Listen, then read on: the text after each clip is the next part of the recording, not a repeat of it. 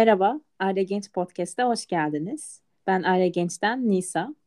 Bugün Aile Gençlerini Tanıyalım'ın birinci bölümünü kaydediyoruz ve konuğum Öykü.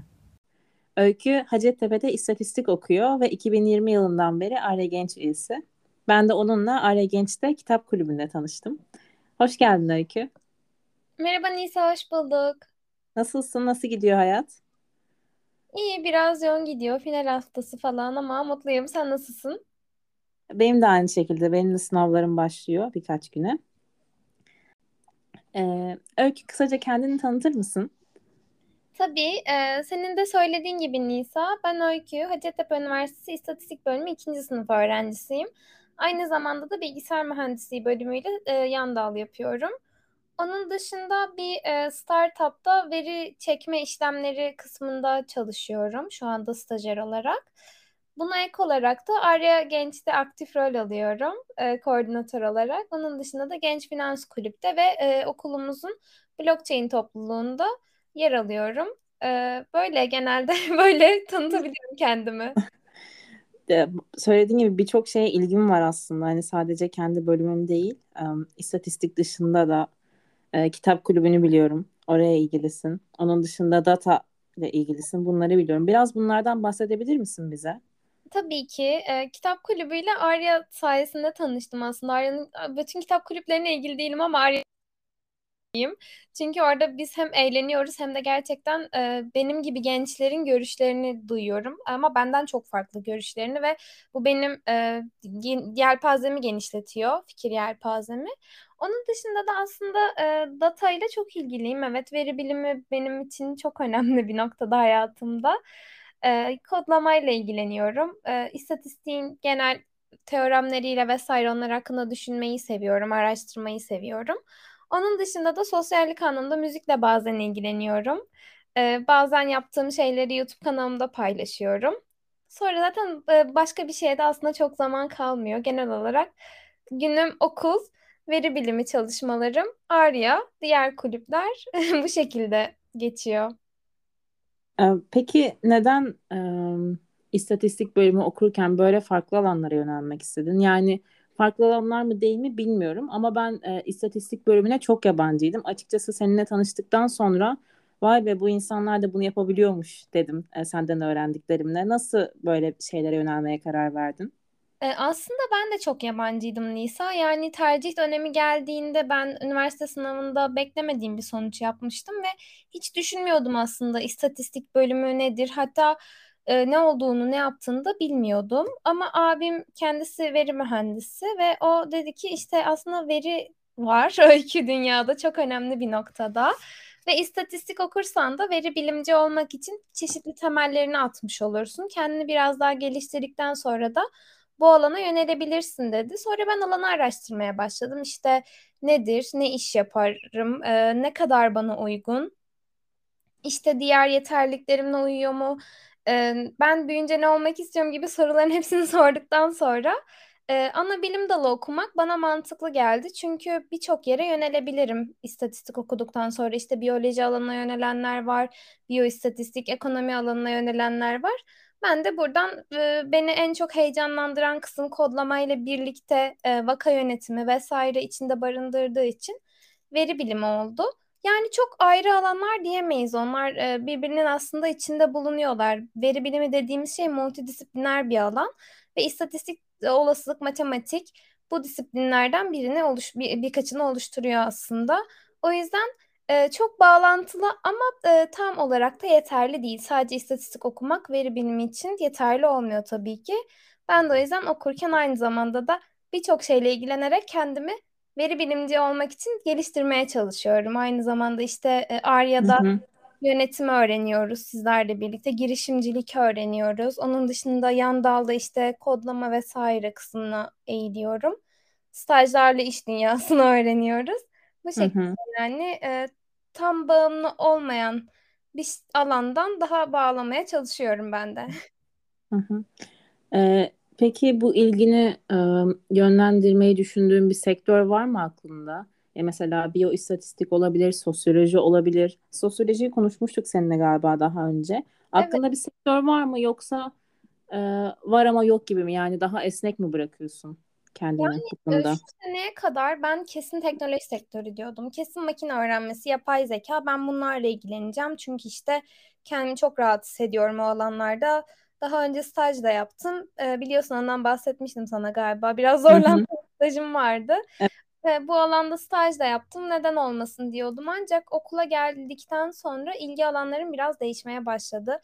Şu ara biraz neuroscience'la da ilgileniyorum nedir ne değildir, makine öğrenmesiyle ne kadar bağlantılıdır. O yüzden bu biraz da sosyoloji ve psikolojiyi de içeriyor.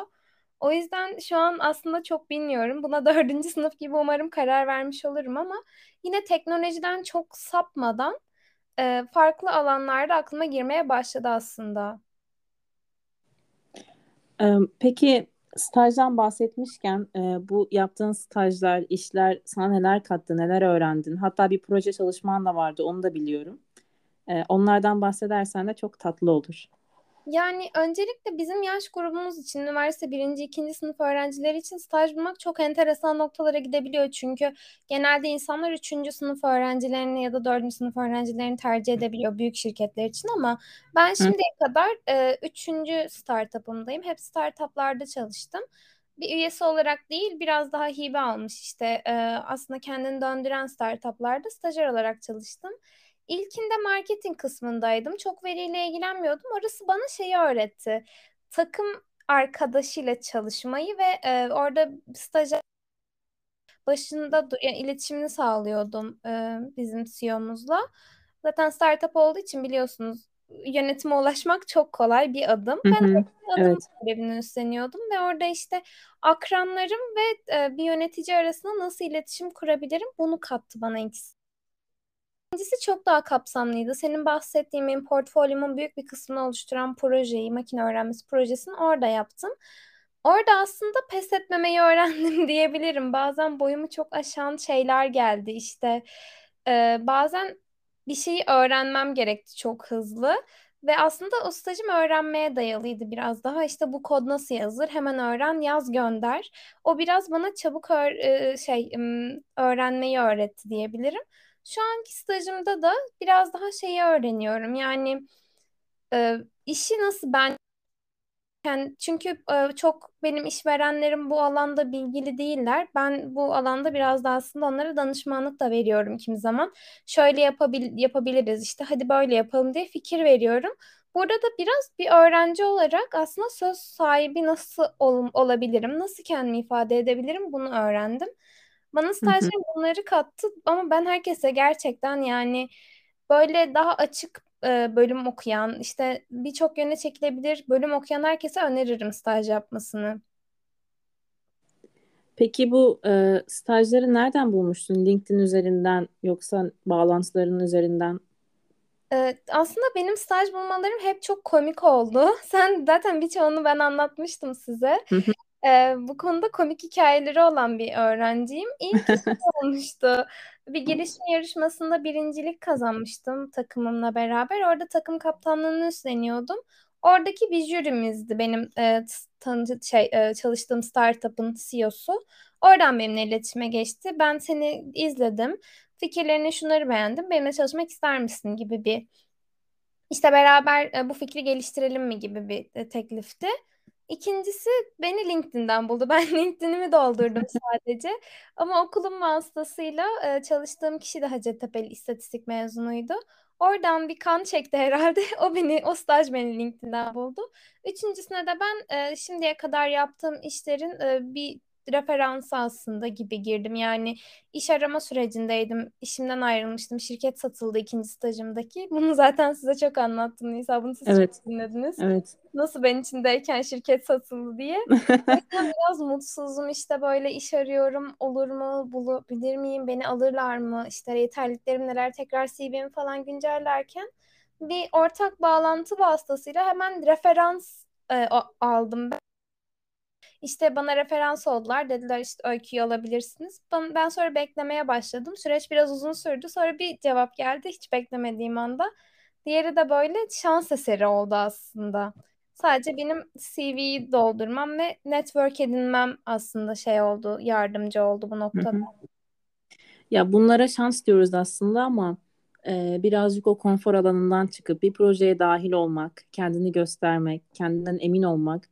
O gün yani senin projeni sunduğunda giydiğin bir kıyafetin rengi bile jürinin dikkatini çekmiş, fikrini değiştirmiş olabilir. Çok saçma geliyor kulağa ama böyle şeylere adım atmak, girişken olmak gerçekten çok fayda sağlıyor.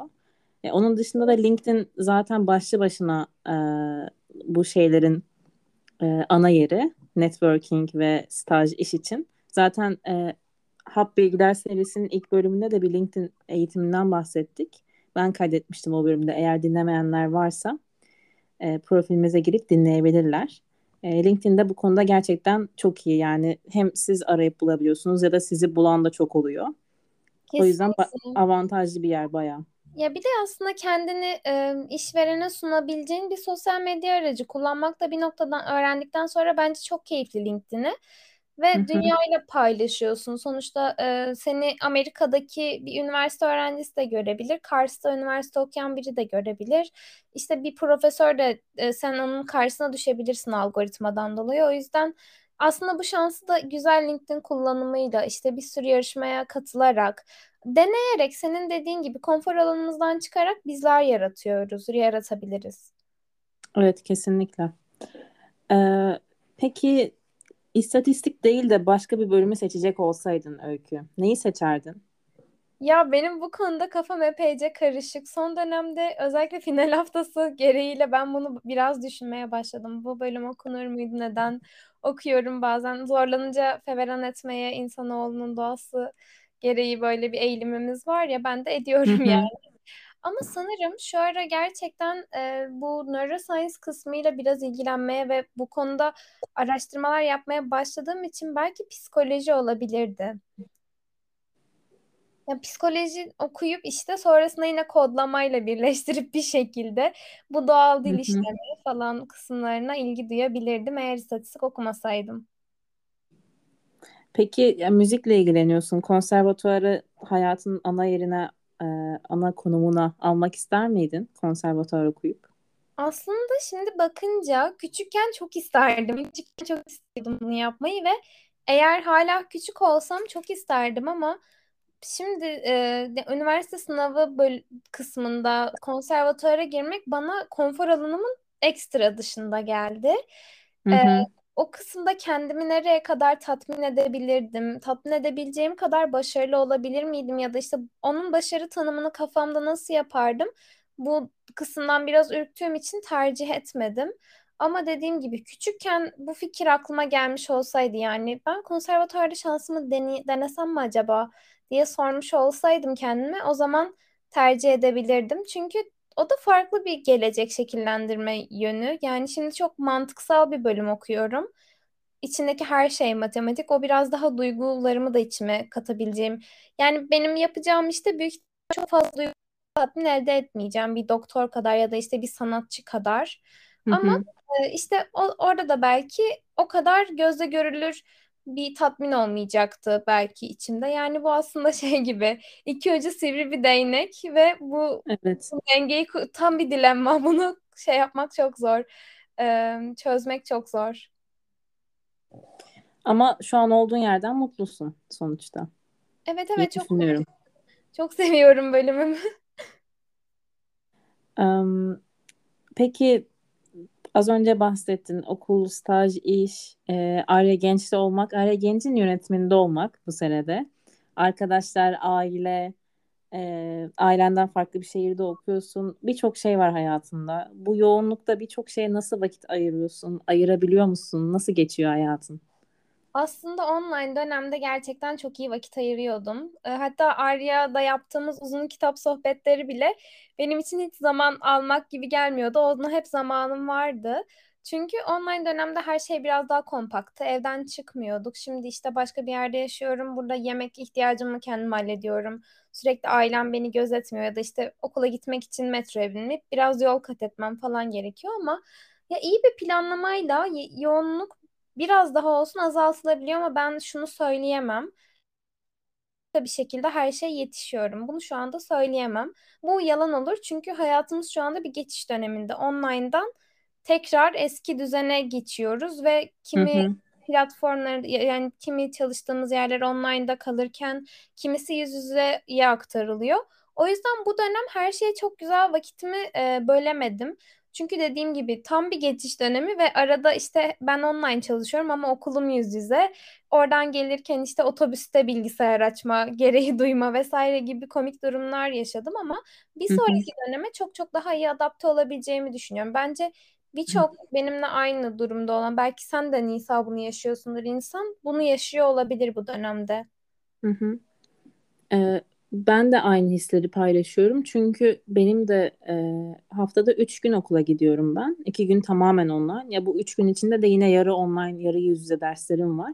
Genelde laboratuvar derslerim için gidiyorum zaten. Yani geçen sene tamamen online derslerim ve ben e, İngilizce hazırlık okuyordum. Bu sene birinci sınıfım. Hani hazırlıkla birinci sınıf farkımı ayırt edemedim ama dediğin gibi sanırım bu geçiş dönemi olması e, hayatımdaki dengeleri birazcık bozdu. Çünkü geçen sene derslerime çok düzenli giriyordum. E, her şey yolundaydı. E, tabii ki yani yeni bir okula, yeni bir bölüme başlamanın motivasyonu da var bunda. Onun dışında içinde bulunduğum kulüpler, işte katılacağım etkinlikler, onlar çok düzenli gidiyor. Motivasyonum hep yüksek. Asla kaçırmıyorum bir şeyi. Çok düzenli gidiyordu. Ama şu an bazı şeyler online yani şöyle oluyor. Okuldan çıkıyorum arkadaşlarımla. Dışarıda bir şeyler yemeye içmeye gidiyoruz. Diyorum ki Aa, bu akşam toplantı var eve gitmem lazım. Yani online'ın çok avantajı var ama bu geçiş döneminde beni gerçekten zorluyor. Hani dışarıdayken eve gitmem lazım. İşte bu hissi nasıl tarif edeceğimi bilmiyorum. Tembellik değil bu his. Ama insanı garip hissettiriyor. Gibi böyle biraz. Çünkü elimizi nereye koyacağımızı bilmemek gibi aslında garip bir heyecan oluyor. Ve ben bunu böyle konuşabildiğimiz için çok sevindim Nisa. Çünkü bazen bazı insanları dinliyorum işte şey diyorlar. Yo ben çok iyi yetişiyorum. Hayır, şu an kimse o kadar iyi yetişemiyor. Gereksiz hı. yetişirse kimseyi panik yapmasın. Herkes biraz zorlanıyor ve bu çok çok doğal. Ama dediğim gibi iyi bir planlamayla mesela en azından şunu söyleyebilirim ki hiçbir sorumluluğumu aksatmıyorum. Hı Ama hı. bazen kendimi aksatabiliyorum ve bunu aslında düzeltmemiz lazım. Çünkü en iyi kendimize bakmamız, en iyi kendimize zaman ayırmamız lazım. Ama dediğim gibi bence ikinci dönem ya da işte biraz daha geçtikten sonra bir beş altı ay sonra tamamen toparlamış olacağız. Ya bence de bu e, insanların hayata bakış açısı ve alışkanlıklarıyla da ilgili. Yani ben planlı olmayı bir yerde seviyorum. Çünkü işte hangi gün ne olacak, bu hafta ne yapmam gerekiyor. Genel bilgilerin bende olması çok güzel bir şey. Ama ben saat saatine, şu saatte derse oturacağım, şu saatte şey yapacağım, şunu yapacağım. Bu kadar saat arkadaşlarımdayım, bu kadar saat dersteyim diye plan yapabilen bir insan değilim, değilim. Çok da zor bence bunu yapmak. Robot gibi hissediyorum. Ama bunu yapanlar varsa da belki bu geçiş dönemini daha kolay geçiriyorlardır. Hani sen de Yani biraz daha spontane bir insansın biliyorum. Ben de öyleyim. O kadar planlı yaşayamıyoruz. O yüzden zorlanıyoruz belki de yani. Evet ya benim çünkü şeyde hep e, aslında dağınık bir düzenim vardı. Her şeyim planlıydı. İşte kaç saat yapacağım bir görevi. Başlarken onu işte kaç saatte bitirmem lazım. Hangi bölümüne kaç dakika ayıracağım gibi şeyleri yazmayı ben çok seve severdim yani bu online dönemde de. Şu anda da yapıyorum. Bu benim işimi çok kolaylaştırıyor ama o görevi ne zaman yapacağım konusunda spontane olmak aslında tekrar söylediğim gibi dönemin gerekliliği oldu şu anda. Çünkü e, herkes geçiyor. Herkes farklı. Bir, online etkinliklerin saati yüz yüzeleri tutmuyor. Senin dediğin gibi dışarıdayken eve gelmen gerekebiliyor. Evdeyken acil dışarı çıkman gerekebiliyor. O yüzden bence iyice spontane olduk Evet, gibi. Yavaş gerçekten. yavaş dengeyi bulacağız bence. Umarım. O zaman biraz bu ciddi sorulardan daha e, tatlı sorulara geçiyorum. E, çok sevdiğin, seni etkileyen bir film, kitap, belgesel var mı? E, bunlardan öğrendiğin, ilham aldığın şeyler var mı? Bizimle paylaşır mısın? Tabii ki. e, biri bu oldu. Benim çok sevdiğim bir kitap şu anda e, halihazırda okumakta olduğum Akış isimli bir kitap var. E, bu kitap epeyce ünlü olmuş sanırım e, öz farkındalık hakkında. Benim şu anda tam ihtiyacım olan şeymiş Nisa yani akışı okumak. Çünkü gerçekten bazen e, ilerleyen dünyada durup çevremize bakmıyoruz ve bu genç yaşımızda e, biraz Z kuşağı olarak e, kaçırmaya meyilliyiz. Yani e, olup bitenleri bazen kaçırabiliyoruz önümüze bakmaktan. Hiç durup çevreye bakmıyoruz. O yüzden her şeyi kişisel algılamamak ve her zaman bu yoğun temponun içinde kalmamak, bazen anda kalmayı öğrenmek için akış bana gerçekten çok güzel şeyler kattı kitap olarak. Sonrasında belgeseli söyleyebilirim. Ahtapot'tan öğrendiklerim My Octopus Teacher Netflix'te vardı. Bir şey diyeceğim. Bunu söyleyeceğini biliyordum. Gerçekten soruyu, ben soru, soruyu yazarken dedim ki Öykü kesin bunu söyleyecek. ben bundan çok bahsettim değil mi? Evet evet. Bu çünkü beni gerçekten o kadar etkileyen bir belgesel oldu ki ben hiçbir belgeselde duygulanmamıştım daha önce. Belgesel izlemeyi çok severim. Günlük, günlük yaşamda da özellikle suç belgeselleri vesaire çok çok izlerim ama Ahtapot'tan öğrendiklerim beni böyle başka bir yere götürmüştü. O adamın ya bana aslında sabırlı olmayı biraz gösterdi. Bir de ben deniz canlılarından çok çekinirim. Hı bana bir tatlı geldiler gözüme bilmiyorum. Şarkı olarak da şey sürekli değişiyor yani her gün. Hatta bu ara çok dinlediğim şey var. A-Studio diye bir grup var. Sosyal medyada ünlü olmuşlardı. İlk önce dudaklarını gösteren iki kişiydi. Sonra evlendiler. Şarkı yapmaya devam ettiler. Hı Onların hı. Leyla Nona Dream diye bir şarkısı var. Şarkıda şeyden bahsediyor. Yani e, gündelik hayatta bazen çalıştığımız yerlere işte e, mesela ben Ankara'da şu anda yaşıyorum. Biraz gri Sadece bir hayali gerçekleştirebilmenin umuduyla buluş bulunuyoruz. Ama aslında başka şeyler yapıp bunun yerine kendimizi mutlu edebilecek şeyler yapabiliriz. Böyle bir ihtimalin de olduğunu anlatan bir şarkı. Bana şu ara çok tatlı geliyor. Hatta bazen düşünüyorum okul bitirdikten sonra biraz çalışayım sonra emekli olup Ayvalık'tan yazlık kalayım. Böyle bir vibe var şarkının. Ee, aslında beni biraz hem güldürüyor hem de biraz bu em, final haftasının stresinden uzaklaştırıyor. Bunu önerebilirim. Çok güzel. Ee, o zaman yavaş yavaş toparlayalım. Ee, son olarak da şunu sorayım. Ee, kendini şu an mutlu hissediyor musun? Ee, şu an bulunduğun yerde motivasyonun ne? İleride kendini nasıl bir yerde hayal ediyorsun? Ee, şu anda kendimi ya aslında inişlerimiz çıkışlarımız var bence hepimizin. Özellikle dediğim gibi bu geçiş döneminde bazen çok zorlanıyoruz. O zaman mutlu hissetmeyi unutuyoruz. Bazen üzgün hissetmemiz gerekiyor. Üzgün hissediyoruz. Bazen ise çok çok mutlu hissediyoruz ve aslında bir şeyleri geri kazanabildiğimiz için işte sosyalleşmek, dışarı çıkabilmek bunları şükrediyoruz. Ama genel olarak işte bu inişlerin çıkışların içerisinde ben şu an ortalamada mutluyum.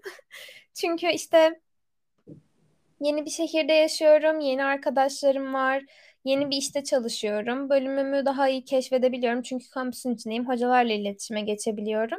Hı E, bunlar mutluluk veren şeyler. Tabii ki aileden uzak olmak, hala koronanın devam ediyor olması, bütün arkadaşlarımla bir arada ol- olamıyor olmak. Çünkü Arya'nın çoğunluğu İstanbul taraflarında. Benim diğer e, şey kulüplerden arkadaşlarım da genellikle İstanbul tarafında. Sizden biraz uzak olmak beni üzüyor açıkçası ama dediğim gibi ortalamada mutluyum ve em, aslında hayallerim beni biraz motive ediyor. Çünkü bir şey eğer çok istersen bence o seni motive tutabiliyor. Yani benim isteğim nedir? Okul bitene kadar gerçekten veri bilimi alanında biraz ilerlemiş, kendimi geliştirmiş olmak. Bu motivasyon da beni gerçekten ayakta tutuyor, işte diri tutuyor ve disiplinli olmama yardımcı oluyor. Çünkü ne yapacağımı evet tam bilmiyorum. Çok spesifik şeyler söyleyemem sana şu an ama genel olarak bir çerçeve olduğu için onu doldurmak için aslında elimden geleni yapıyorum ve ne zaman vazgeçmeye yaklaşsam şey desem artık tamam çok yoruldum artık bırakayım desem diyorum ama şimdi bırakırsam birkaç ay sonra, birkaç sene sonra hatta belki 10 seneler sonra biraz pişman olmaz mısın Öykü diye kendime böyle soruyorum. Sonra içindeki diğer Öykü diyor evet Öykü biraz pişman olursun ben de devam ediyorum. Çok güzel. Ee, aslında benim son sorum bu aralar severek dinlediğim bir şarkıyı paylaşır mısındı? Ama sen bunu cevapladın bile çoktan. Ben hızlı davrandım. Evet, biraz hızlı davrandın. Heyecanlandık çünkü Öykü'yle biz normalde çok sık sohbet ediyoruz. Özellikle geçen sene kitap kulübünde saatlerce sohbet ediyorduk. Sonra Ankara'ya geldik. Öykü'yle görüştük, buluştuk. Ama böyle podcast'te olmak, e, kayıt altında olması garip hissettiriyor bana açıkçası. Evet evet ben de gerildim Nisa ilk kez. Heyecanlandım ben de ama e, ilerleyen bölümlerde düzeltiriz. Hani belki bir daha Öykü'yü konuk alırım. O zaman daha relax oluruz diye düşünüyorum. Çok isterim tekrar konuk olmayı. Seninle muhabbet etmek zaten hep çok zevkli ama kayıt altında olması da çok zevkliydi. Ben çok teşekkür ederim bugün burada beni ağırladığınız için. Ee, biz, te- biz teşekkür ederiz. Ee, bizimle e, kendi hayat yolculuğunu, kariyer yolculuğunu kısaca paylaştığın için. Ee, o zaman kendine çok iyi bak. Ben de aynısını. Ee, görüşmek et. üzere. Görüşürüz.